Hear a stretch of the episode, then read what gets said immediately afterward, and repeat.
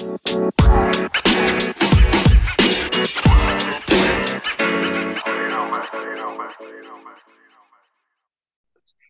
everyone and welcome back to our podcast. Halo. Halo, halo. Halo. Kayaknya ini episodenya cepat banget ya. Tapi ya we are so excited. Karena apa? Karena timnas kita lolos ke Piala Asia loh. Wih, kok keren. Yoi. Selamat, selamat. Gila sih. Dari Selamat ya. iya bahkan ya we are going to India dan itu menunggu selama 32 tahun lamanya untuk lolos ke Piala Asia lagi. Gila udah lama banget ya. Iya. Tapi ya memang sih kita tahu, kita tahu em, Indonesia lolos dua pertandingan ya karena apa? Karena mm, Irak dan Korea Utara itu mundur karena COVID concern. Makanya kita cukup diuntungkan juga gitu loh. Betul, kita harus harus menyadari ya bahwa mundurnya Korea Utara sama Irak juga sangat berpengaruh lolosnya Indonesia ke Piala Asia ya. Betul banget. Kemudian padahal sebenarnya kita lagi nggak punya kompetisi ya. Gak punya Liga satu belum jalan itu. Padahal Iya, terakhir Liga tapi- 1 Putri jalan itu 2019. 2019. Ya, itu udah lama banget. 2019, habis itu 2020 sebenarnya udah udah ini sih. Udah, ada proyeksi, kemudian kepentok sama pandemi akhirnya Betul. Sebenarnya tahun 2020 tuh udah udah ada ini, udah ada proyeksinya kan mau digulung eh, di tapi kepentok pandemi ya udah akhirnya nggak jadi. Ya, itu sayang banget sih. Pandemi itu merusak semuanya. Benar. Terus beberapa kemarin juga ya kayak ada mini-mini turnamen gitu kan dari tiap kota akhirnya ada lagi lah wadah buat teman-teman atlet sepak bola putri bisa inilah jaga performnya gitu kan menjaga performnya Ya, betul banget. Em, apalagi kan kemarin ada Liga Top Skor kan, turnamen Oh iya kecil. benar benar Itu mean so much banget sih. Uhuy. Kita lama nggak punya kompetisi, akhirnya ada yang bikin ini tuh penting banget. Penting buat re- re- nge-refresh nge-refresh mindset juga untuk berkompetisi gitu. Itu penting banget sih. ya kemudian apa ya kayak dengar-dengar kemarin tuh responnya bagus terus banyak orang yang excited akhirnya mau dibikin lagi kan liga top skor yang putri maksudnya yang yang reguler yang premier gitu.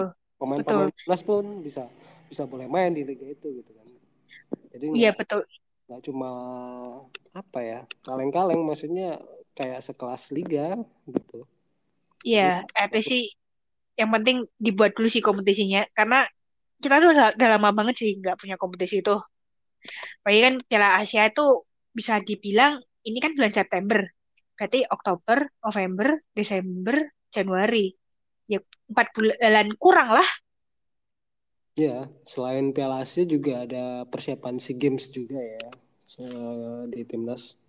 Jadi selain Piala Asia juga ada event SEA Games yang nanti juga harus harus apa ya harus harus harus dif- difokusin lah maksudnya nggak cuma Piala Asia doang.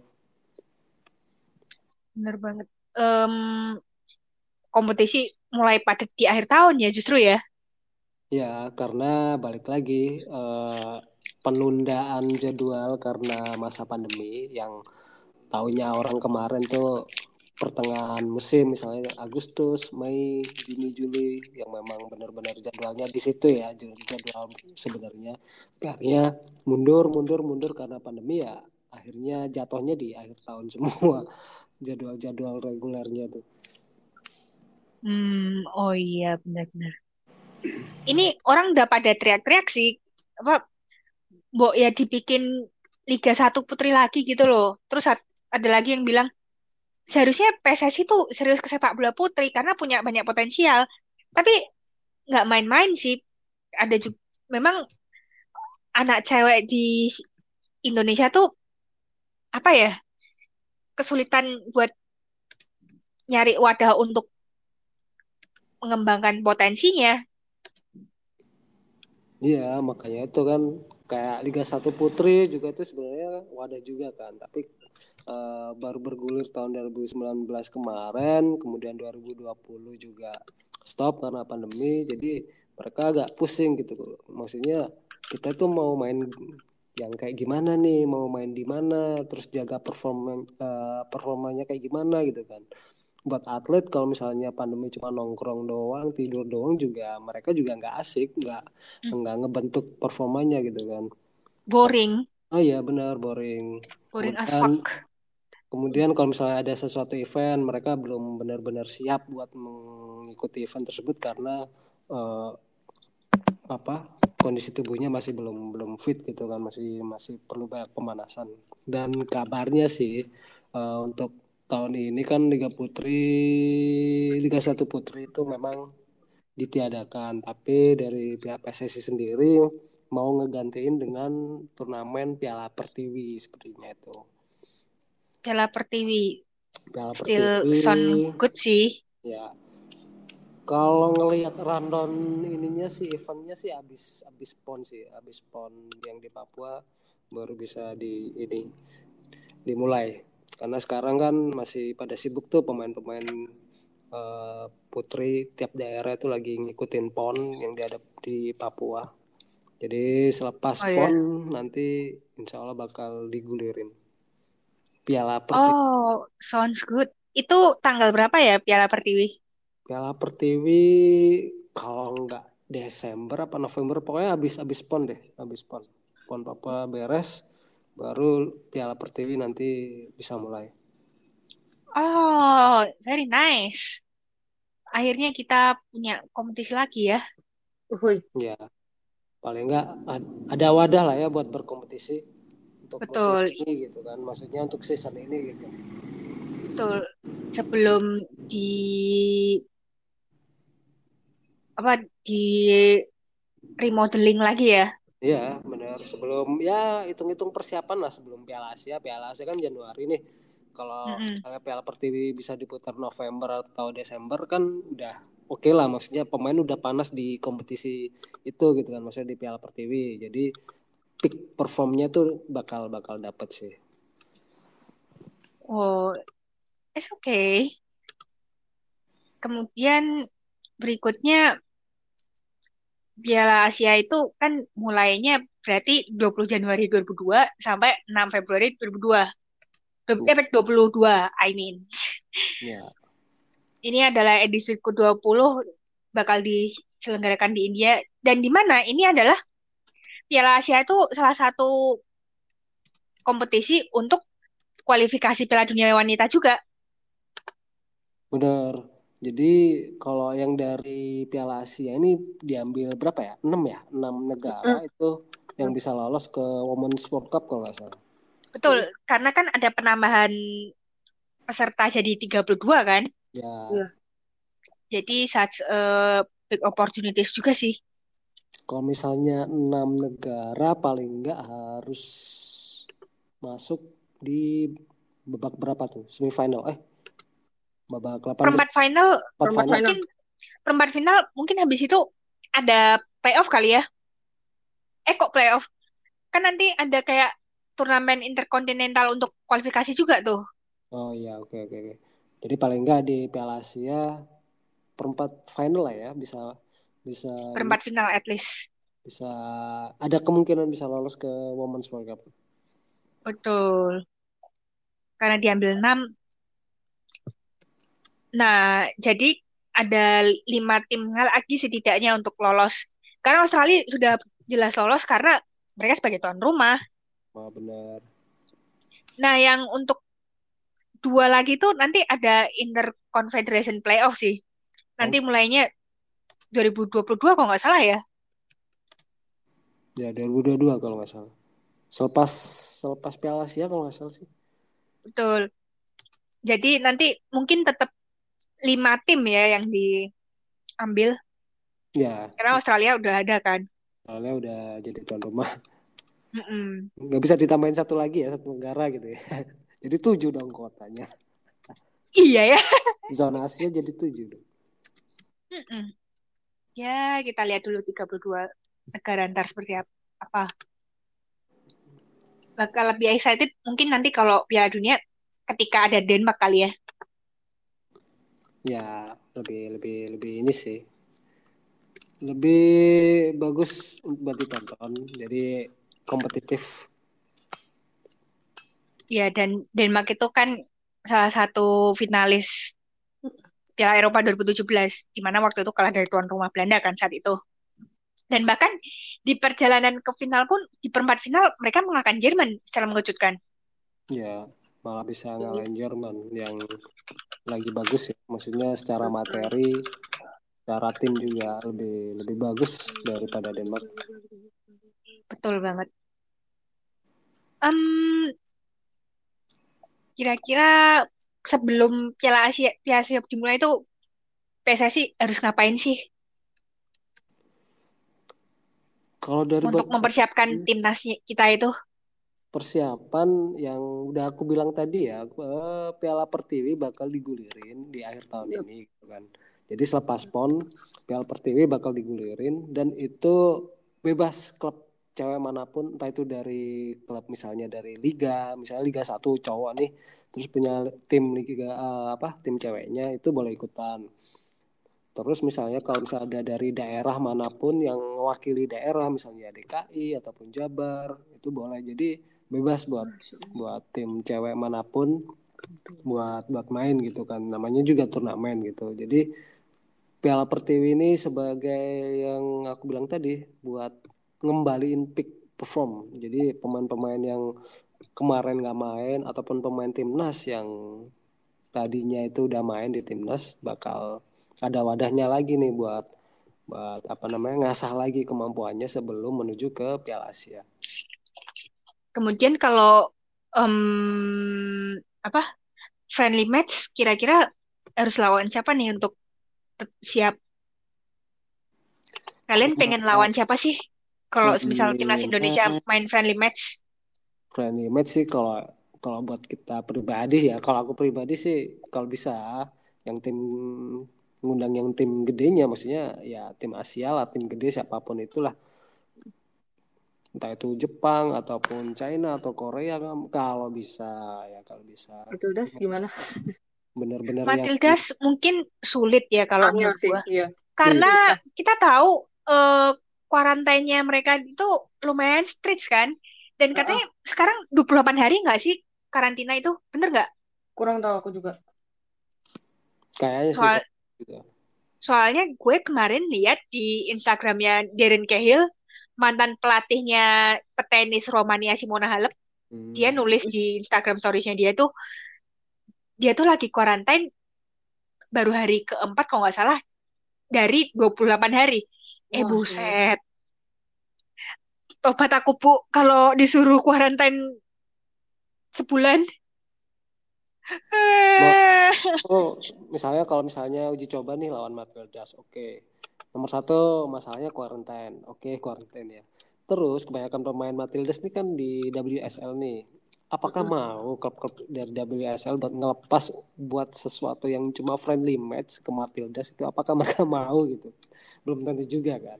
Apalagi dengan quarantine itu tadi misalnya gitu kan administrasi dan lain sebagainya kan bakal bakal sulit gitu kan bakal ribet Kayaknya kalau misalnya untuk friendly match lawan Matilda sih agak-agak susah sih ya.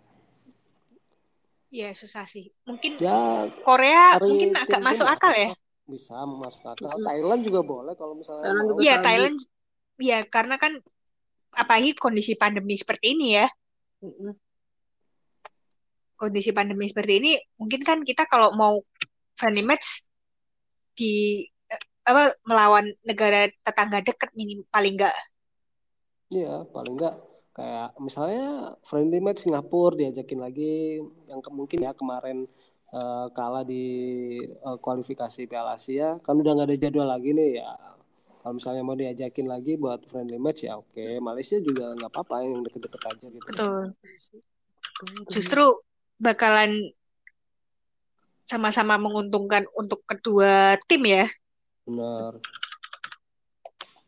Kalau misalnya kan kondisi di pandemi kayak gini ya, Mm-mm. mungkin cari yang deket-deket aja lah. Kalau misalnya misal kayak tim Korea ataupun Jepang atau tim-tim Asia yang lain memang agak kesusahan buat nyari apa namanya friendly match lawan tanding ya udahlah Thailand, Malaysia nggak apa-apa sih.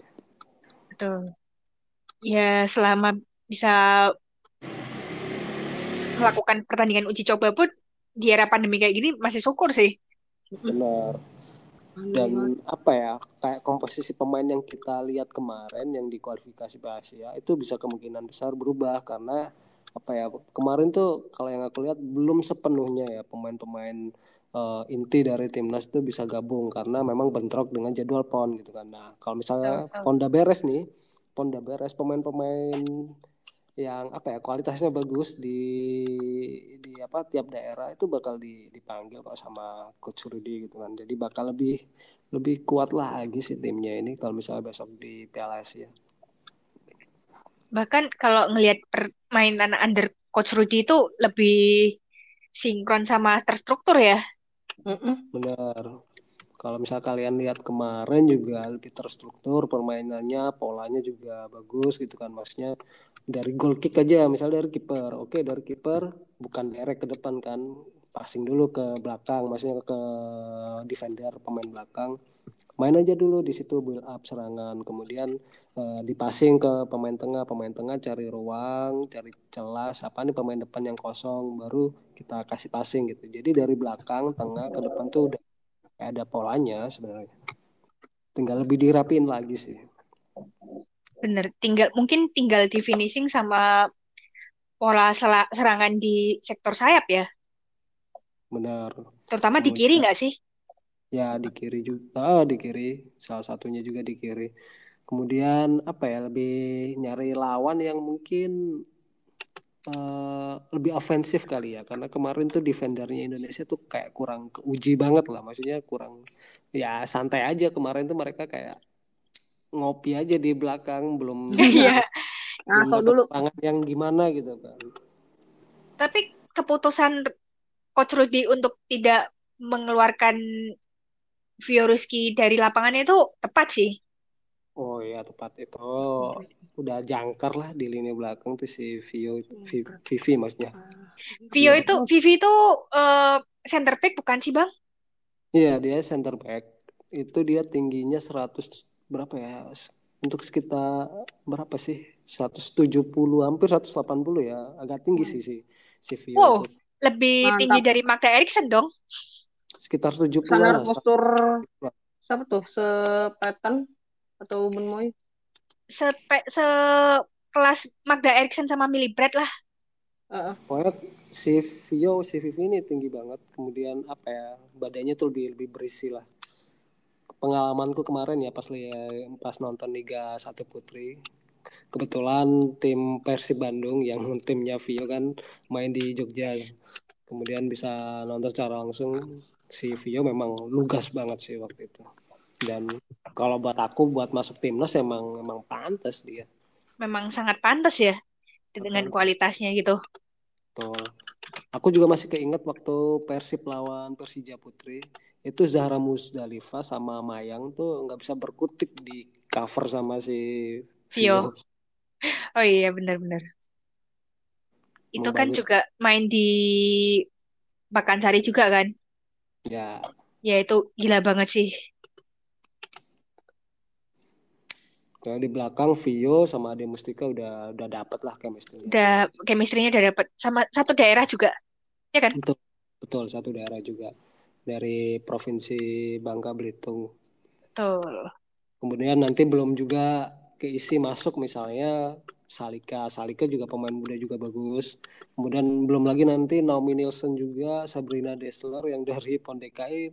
Kalau misal diseleksi, kalau misal bisa masuk juga oke juga gitu. Wah itu kalau semisal Naomi Nielsen bisa masuk, wah gila sih ya. Bagus sih Untuk- bakal bagus. Makanya squad. kayak aku lihat untuk komposisi pemain yang di kualifikasi ini memang apa ya sebenarnya udah bagus udah bagus kualitas udah bagus pemain udah bagus tapi tire-nya tuh masih ada lebih bagus lagi nih Indonesia gitu kan karena pemainnya tuh masih pada main di PON jadi pemain-pemain yang jago-jagonya belum belum inilah belum 100% lah di, di ini dipanggil sama coach Rudy. Karena bentrok sama PON. Benar-benar. Ya udah akhirnya mudah-mudahan bisa dapat ilmunya selama Piala Asia. Apalagi kan nanti lawan tim-tim gede juga pasti ya. Nah kalau menurut kalau kalian pengen satu grup sama siapa sih Indonesia itu to be honest pengen nama Matilda. Walaupun dia bokok tapi pengen anak anak Kennedy kualah di cek sama Zahmus atau mungkin atau mungkin Samker di Brickwall sama Fioriski ah. terus habis match kayak yang pemain Georgia tukeran baju sama Magda. Siapa gitu? Ya ya mungkin ada salah satu atau kayak Ade minta jersinya Samker gitu. Ah, ya. Bisa bisa bisa bisa jadi. Sama siapa ya? Karena tim yang di Piala Asia ini ini semua sih kayak rata semua. Maksudnya nggak ada tim yang jagoan yang kayak gimana gitu kan. Outside Jepang China um, Thailand terus habis itu Korea. Korea gitu kan. Australia sama Jepang. Oh, kalau Jepang udah gue sebutin mohon maaf ya.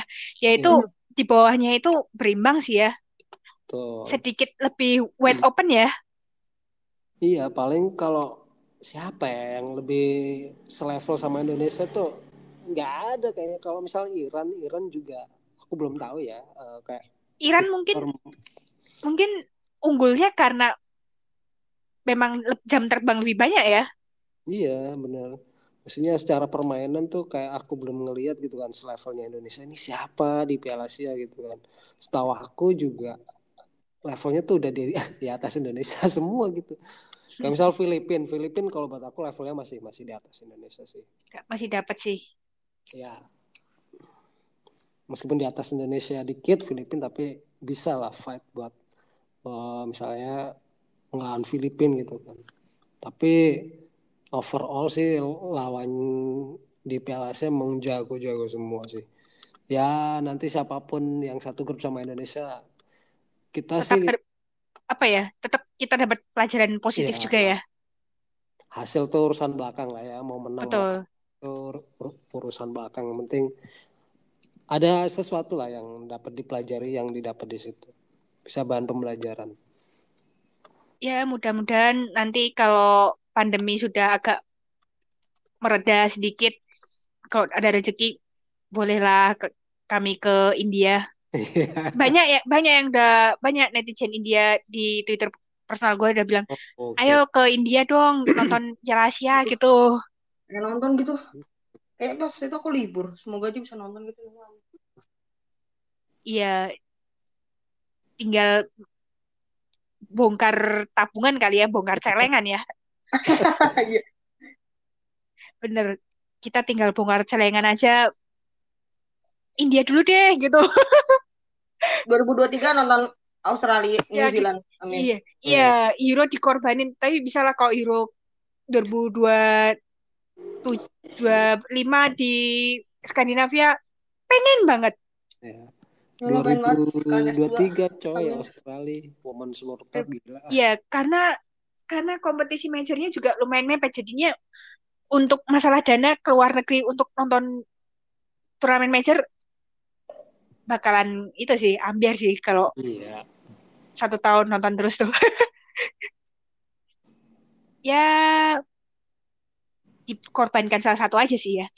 ya harus harus ini sih harus memilih sih pada akhirnya harus memilih sih. Betul betul. Memilih Kita nggak mohon maaf mohon maaf Euro. ya Euro kan Europe gitu kan maksudnya terlalu jauh sama ini. Terlalu jauh dan mungkin masih ada aturan-aturan tertentu kali ya mungkin kalau masih pandemi. Benar, benar. Kita realistis aja sih. Realistis. Orang Australia aja masih gila kuarantainnya makanya itu maka dari itu kita cari yang iya. dulu aja lah betul oh ya sekarang kita ngomongin pertandingan WSL kemarin yang super super mengejutkan di mana kita tahu City uh, City kalah 5-0 dari Arsenal kemudian kemudian kemudian Manchester United dipermalukan di kandang sendiri di depan hardcore core fansnya Barmia Army. Dipermalukan oleh Chelsea dengan skor 1-6 ada apa gerangan ini Bung? Gila sih gila gila. Ya balik lagi sih faktor faktor pelatih ya kalau menurut aku ya. Dari tim kalah ini faktor pelatih kan mari kita bahas satu-satu. Pertama mungkin kalau defense kita nggak bisa memilih apa-apa lagi ya. Karena Emmy Turner kita tahu itu sangat-sangat missing sih di sini. Ya Emmy Turner sebenarnya salah satu sosok ya yang mungkin yang apa ya jadi pemain andalan gitu kan. Tapi cedera kemarin ya mau nggak mau ya dengan squad inilah si. Ami Turner itu kan waktu itu ke Orlando kan. Ya. Nah kalau Millie Turner juga oh, missing juga ya. sih. Ya, ya. Millie Turner maksudnya cedera kan kemarin juga sebenarnya kalau si Ami ke Amrik ya udahlah lepasin aja ya. Kita nggak usah yang gimana gimana maksudnya nggak usah lo harus balik ke sini atau lo nggak boleh pergi ya udahlah itu udah, udah urusan mereka tapi yang ada di sini aja yang dimaksimalin gitu kan betul si milih cedera ya udahlah milih tuna cedera adanya cuma Eva Manion Maria terus Dotir ya udah. terus ya, ya. dimanfaatin aja itu kan. Betul. Kadang Maria itu suka lambat sih dalam respon. Ya, dia dia kurang clever dalam urusan challenge juga. Makanya kadang dia sering bikin penalti untuk lawan selama di Chelsea ya terutama ya. Ya yang aku lihat apa ya si Maria ini kayak sepersekian detik agak lebih mikir gitu kan. Betul apalagi kemarin waktu lawan waktu satu lawan satu dengan Perrin tuh agak kesulitan ya agak kesulitan makanya event sekelas Ceki event sekelas Ceki hello ya benar sekelas Ceki ya bisa dilibas si Pernil. Jackie Turner apa Jackie Cronin yang sudah sekelas itu ya? Iya maka dari itu jadi ya balik lagi sih si Pernil Harder nih memang pemain yang kelas lah jadi siapa pun yang lawan Pernil nih harus waspada benar-benar waspada. Iya betul. Kemudian waktu itu ada kita ngerti kan yang kritik yang di Twitter kemarin tadi sore sampai banyak yang ngebully gitu. ya, ya, ya, ya. Ya, itu sebenarnya intinya kayak mungkin dia kaget ya lihat skillnya si Pernila itu. Saking kagetnya tuh dia sampai apa gak ngerti dia harus ngapain gitu kan. Ya sebenarnya zaman di Wolfsburg juga ada beberapa saat beberapa kali match juga ada yang satu apa ya satu frame lah satu posisi yang kayak kemarin si Jackie Cronin sama Maria Torres Dottir sih sebenarnya. Cuma ya mungkin ada beberapa yang mungkin belum ngelihat si Pernil berbuat seperti itu gitu kan. Ya padahal di Wolfsburg dan di Minas Denmark juga sering ya sering sering sebenarnya sering cuma kemarin itu apa ya udah dua kosong Emi ketinggalan tiga kosong tuh udah udah kena mental sih sebenarnya tapi sebetulnya golnya Frank Kirby yang pertama itu udah bikin kena mental sekali ya. ya, emang kan salah satu apa ya kesalahan lah ya, kesalahan di belakang gitu. Iya, itu sem hampir semuanya kesalahan dari belakang sih. Mm. Aduh itu hancur banget deh. Kecuali kalau yang kedua tuh kan mereka kalah kalah respons untuk menghadapi Pernil. Betul, betul, betul. Tapi kemarin Kemudian, tuh ini belakang sih kemarin tuh yang sama holding holdingnya MU aduh udah kacau. Udah, ya selection midfieldnya juga agak questionable ya pasti ya, karena kan Benar. kan udah punya Borisa, kenapa harus masih ada Staniford? Padahal bisa ya Zelem dengan Borisa. Padahal itu jauh lebih menjanjikan ya. Kita bisa lihat waktu mengalahkan rating kemarin, kelihatan kan hasilnya? Iya lawan Reading menang gitu kan kenapa lawan Chelsea kelas Vilda Borisa nggak bisa masuk starting tuh apa gitu loh problemnya apa salahnya gitu. iya padahal dibilang kompak tuh dia kompak sebenarnya Padahal lawan Reading juga banyak pujian kan maksudnya pemain-pemain yang baru debut di MU kayak misal Vida Borisa, Ana Blundell, Eva Manion itu kemarin dapat pujian gitu kan. Oh pemain ini lumayan juga nih. Padahal debut di MU juga apa ya maksudnya nggak nggak nggak mudah gitu tapi mereka bisa bisa main bagus gitu kan. Nah kenapa di pas lawan Chelsea si salah satu dari pemain ini tuh nggak dimainin gitu kan si Hilda Borisa gitu kan kemarin Benar-benar. Oh ya, kalau membandingkan Herder dengan Matt sama Paris itu kayaknya rasanya nggak adil ya. Gak adil. oh Apple to apple. beda sih. sama Paris. Beda Beda beda itu ya, juga kan. beda role kan.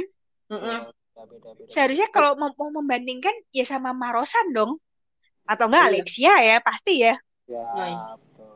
itu sih lebih lebih deket lah tipe lah ya tapi Betul. si Ma- ini ya beda beda sebenarnya beda role beda role Tukang atur strategi kan, Pernil tuh lebihnya leb- kapan untuk deciding kap, memberikan bola ke Sam, kapan dia harus ngeholding apa ngekip bola itu gitu kan. Iya, bener bener. Jadi dia tuh apa ya? Buat aku striker yang eh komplit sih oke komplit. Tapi jarang ya sebagai striker. Misalnya dia lagi turun nih, turun di sepertiga lapangan, dia tuh bisa mikir, wah gua pegang bola nih. Siapa nih pemain yang kosong yang benar-benar bisa gua kasih passing, tapi lebih bermanfaat bisa create chance gitu kan. Maksudnya bisa bikin peluang. Nah itu salah satu salah satu apa ya kelebihan Pernil juga yang Betul. yang nggak ada di pemain Lain. yang lain gitu. Kemudian kalau Fran, ya kita tahu lah ini gol ke-50. Tidak usah dijelasin panjang-panjang. Ya Fran ya Fran. Sis kelas. Dia salah satu masih salah satu pemain terbaik di Inggris tetap period. Nah, Bahkan kalau timnas Inggris nggak ada Frank Kirby aja kadang-kadang buntu ya. Hancur-hancuran. bisa- Nggak bisa bikin gol. Fran ya. Kirby itu lebih banyak nggak beruntungnya di timnas. Ke- Heeh. Iya sering sih. kepetok cedera. Benar. Ya, salah Kemudian, sih. Iya satu betul betul. Dia sih ya, salah satu kelemahan dia itu. George habis di klub. Ya itu, George benar. Ke- Rentan dan harus taking harus ada yang taking care banget. Betul. Kayak harus dibungkus bubble wrap dah. Nah, ya. Pernil, eh kok Pernil, Van Kirby dan Magdat memang harus dibungkus bubble wrap ya. Betul. Itu uh, asuransinya paling mahal kayaknya di Chelsea ya. Betul. Masih mahal. Treatmentnya lebih mahal daripada yang Iya. lain. Kemudian berikutnya adalah City dan Arsenal ini, aduh, ini kita tahu ini bakalan, kita tahu Arsenal bakalan menang, Iya, kita, kita tahu, tahu. Kalau misal imbang atau kalah itu goblok, sorry. apa?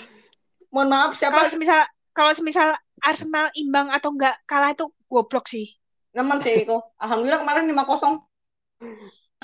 Aku ngira itu 2-0 doang. Terus kayak wow. Nemen. Ya itu pertama gol pertama yang da- dari Midema itu memang salah passingnya Kennedy. si Alana Kennedy. Ini tuh Dia tuh fatal mau- sih kadang. Buang jauh gitu ya. Aduh, malah dioper ke Smith. Direbut lah terus oper ke Midema. Nggak ada yang jagain. Gol. Iya itu Nemen emang Kennedy itu tuh parah banget sih. Nggak sembuh-sembuh. Gue Tapi sebenarnya-. Sebenarnya sebenarnya best positionnya Alana Kennedy itu bukan defender, Iya, nggak di defender. Oh, justru defensive betul. midfielder. Semua orang tuh salah menerjemahkan sebenarnya. Eh, dia tuh defensive midfield. Dia tuh lebih ke defensive midfield. dulu. Ya center back itu tapi dia lebih sering bikin kesalahan fatal kalau main di center back. Ya, maka dari itu. Kayaknya dia belum menguasai deh ya perannya sebagai center back makanya kayak agak grogi atau gimana. Betul. Bikin blunder gitu kan. Sialan Kennedy. Itu kocak sih kemarin tuh yang gol pertama. Iya. Blunder yang sangat kocak salah passing anjir. Sekelas di depan Arsenal tuh ada Viv Midema, ada Britmit gitu kan. Ada Katie McCabe. Ya lu kelar kalau lu passing mereka bertiga udah selesai. Iya. Apalagi Badmit juga lagi on fire ya. Heeh. Itu rasanya nggak bijak sih bro. Benar banget. apalagi barisan Hmm. defendernya City ya kayak Dennis Stoke, Alex Greenwood, George Stanway. Aduh kemarin tuh apa ya mediocre banget lah banyak banyak. Stanway itu Stanway itu sebenarnya bukan defender. Iya bukan defender. Bener. Itu bener aneh Dia tuh- banget dia taruh di right back atau center back tuh aneh Dia tuh banget. dia tuh lebih ke number 10 ya. Iya Bener gak sih? Bener lebih ke nomor 10 George Stanway itu gila. Pas kemarin aku ngeliat anjir nih kenapa di right back gitu kan. Iya, eh iya lu bu sampean bukan Guru Reiten. Iya. Sampean bukan siapa tuh? Siapa tuh siapa tuh? Em, kayak Lena Latwain gitu Nah, di timnas Jerman. Yang atau Joko Nusken. Nunus. ya alias Dik Nunus. Karena Gareth Bale udah bingung ya pemainnya udah pada habis oh gitu. plus Iya sih. oh plus habis. Dan Oh, bahkan saking ha- saking habisnya itu saking habisnya itu dia sampai bilang kayak gini soal pemain akademi. Dia nggak bakal manggil pemain akademi karena mereka tuh operasionalnya nggak sama dengan tim utama. Jadi nggak bakalan satu level. Kata siapa nggak bakalan selevel makanya Makanya lu kesel banget aneh lu banget. undang makanya lu undang dulu kayak latihan sama tim seniornya selam tiap minggu. Iya iya kan. Kalau misalnya ada pemain nih saat pemain dari tim akademi yang nggak selevel ya udah kasih latihan ntar kelama kelamaan kan jadi satu level kan sama pemain yang ini yang apa tim utama gitu kan terus buat apaan beli Ruby Mes? Ya bener gitu Allah. Hanya pada ini ya kayak apa ya kayak bingung sendiri kan si Gareth Taylor tuh kemarin tuh. Jadi ada beberapa pos pemain yang memang bukan posisinya dia terus dipindah yang akhirnya jadi blunder akhirnya jadi kekalahan dia juga gitu kan salah sendiri gitu loh. iya benar-benar Em, full answernya itu our academy players are not even training close to our program. So it's very difficult to kind to of trust someone in at short notice. So we will go with what we have and we will make the best of it. Ya, eh ya udahlah ya akademinya bubarin aja gitu kan. City punya banyak uang gitu kan. Lo mau beli pemain siapa aja oke bisa. Ya udah bubarin aja akademinya, nggak usah bikin akademi. Beli aja pemain semua. Iya, terus habis itu apa ya? Ngapain ngapain capek-capek bayar Janlut lo kalau pemain akademinya disia-siain? Iya benar. Dia kan kayak Mm-mm. kepala direkturnya akademi Arsenal kan? Eh kok Arsenal sih? Man City. Eh, Man City kan? Ah. Lo dari dulunya komentator di BBC tahun lalu. Dan Ya, kalau aku ngelihat ya, eh, baik akademinya yang cewek ataupun cowok itu lebih bagus di Man City ya daripada Manchester United. Misalnya satu geritar Manchester nih kan ada City sama United. Nah itu dari usia berapa ya? Dari usia lima tahun lah, 5 sampai 11 tahun. Itu memang treatmentnya lebih lebih bagus di Manchester City sebenarnya. Iya, itu sayang banget sih. pemain akademi.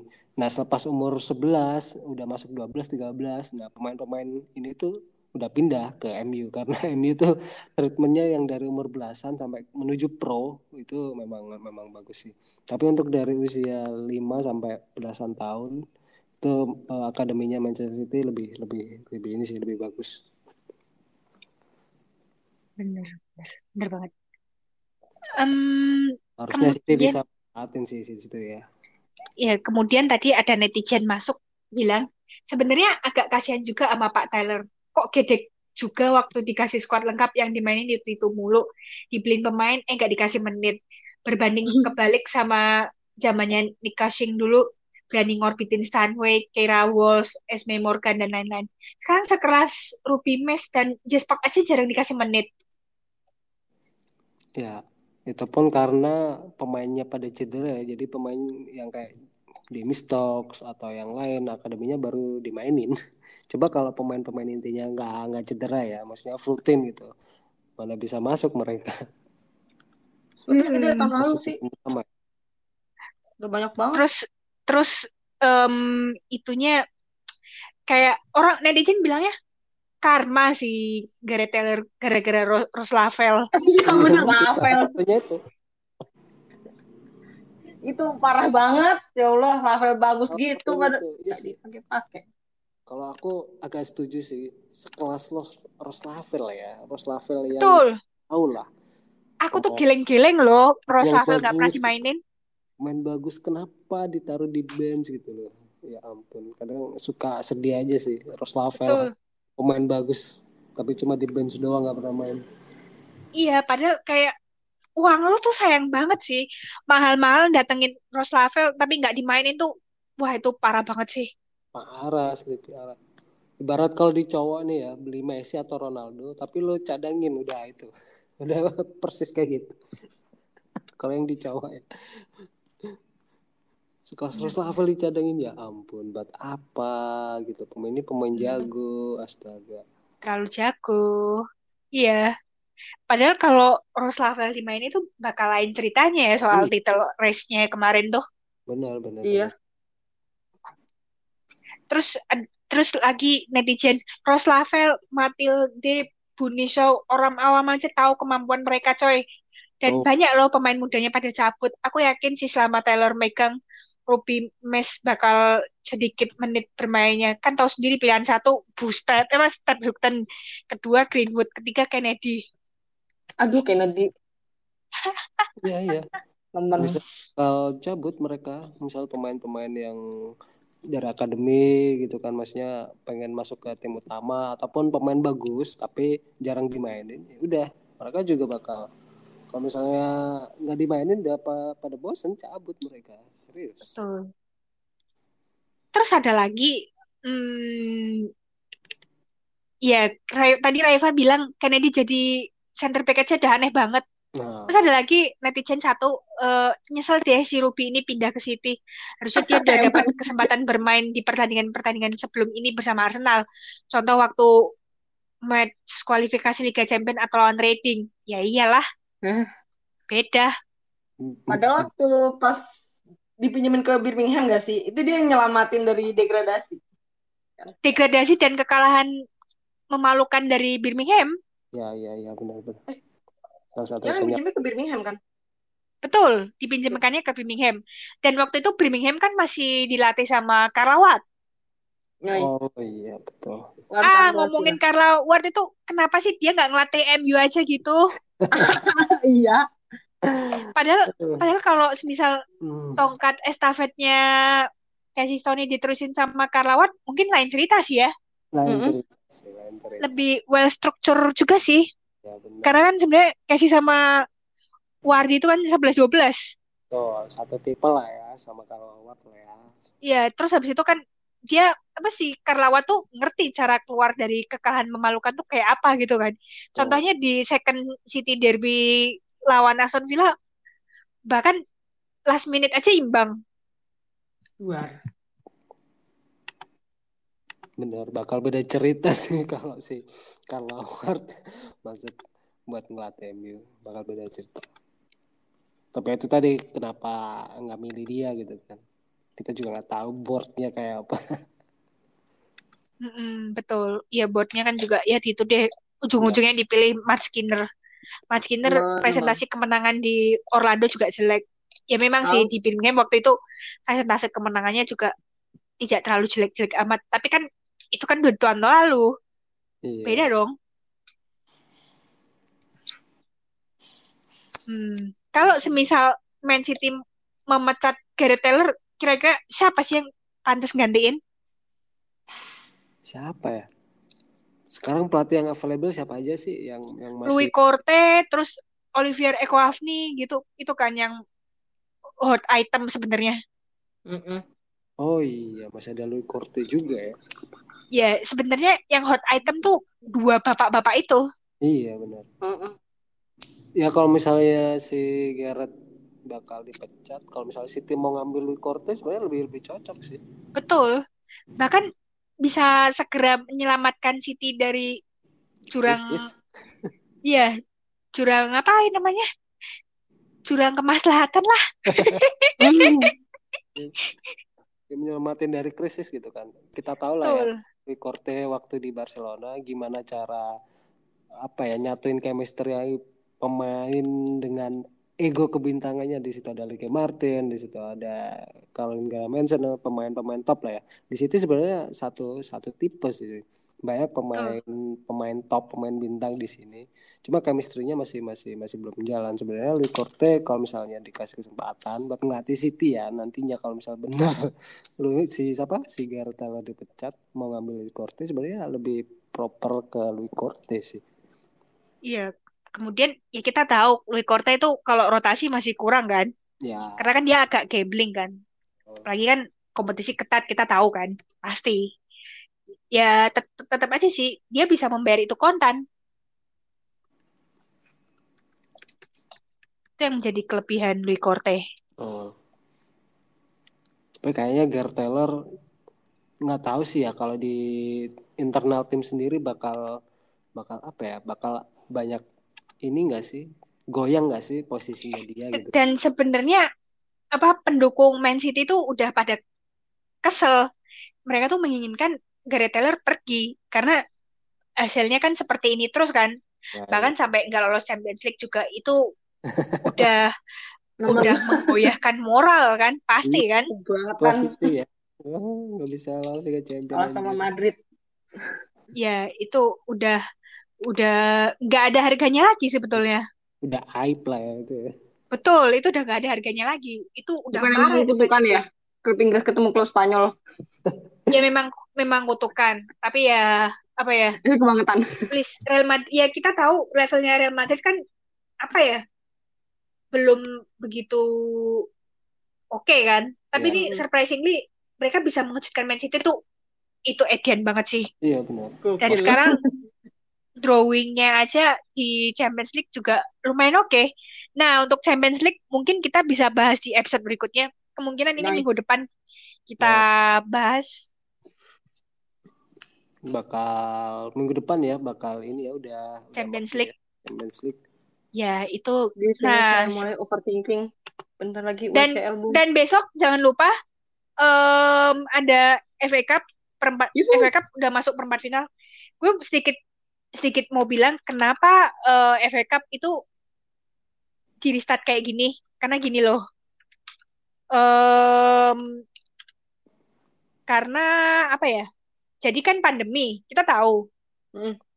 nah ya. untuk klub-klub kecil yang region itu kan nggak bisa kompetisi ya apa jadi kayak ada stretchnya gitu loh kasarannya nah makanya kenapa baru dimulai itu bulan sekitar bulan April Mei gitu ya karena baru bukaan lockdown di UK pada saat itu.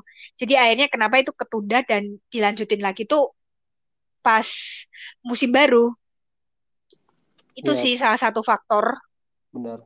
Waktu itu uh, di uh, pandemi ya di UK itu kan yang boleh main nih liganya di tier 1 sama tier 2 gitu kan. Yang tier 3, tier 4 kan nggak boleh tuh. Gak Betul. Boleh. Yang di stop liga amatir lah, liga apa maksudnya yang di tier 3 sampai ke bawah tuh nggak boleh main. Nah, gimana tetap berjalan FA Cup akhirnya nungguin nih, nunggu apa namanya? kebijakan pemerintah uh, lockdown dan sebagainya ini udah dibuka apa belum kalau misalnya udah dibuka ya udah kita uh, terusin lagi dengan catatan tim yang dari tier 3, dari tier 4 ini masih tetap bisa main gitu kan.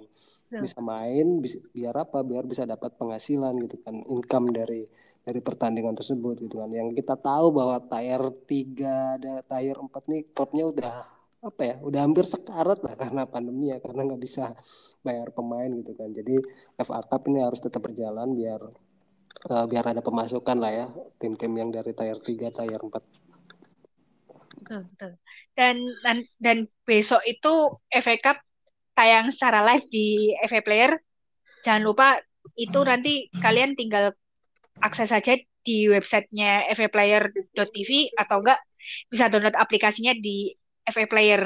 Udah itu aja sih kalau mau nonton kompetisi di Inggris. Betul. Aksesnya lebih inilah ya, lebih gampang lah ya kalau menurut aku. Ya. Betul. Betul. Mm -hmm. Jadi jangan lupa besok Oke, okay. Sam sampai di sini dulu episode ke-22. Jadi Jadi- gua Nino mewakili Mas Ijal dan Raifa cabut dulu dari studio virtu- virtual kita. Sampai jumpa semuanya. Bye bye. Dadah, bye bye. Bye-bye. Bye-bye. Ciao. Bye.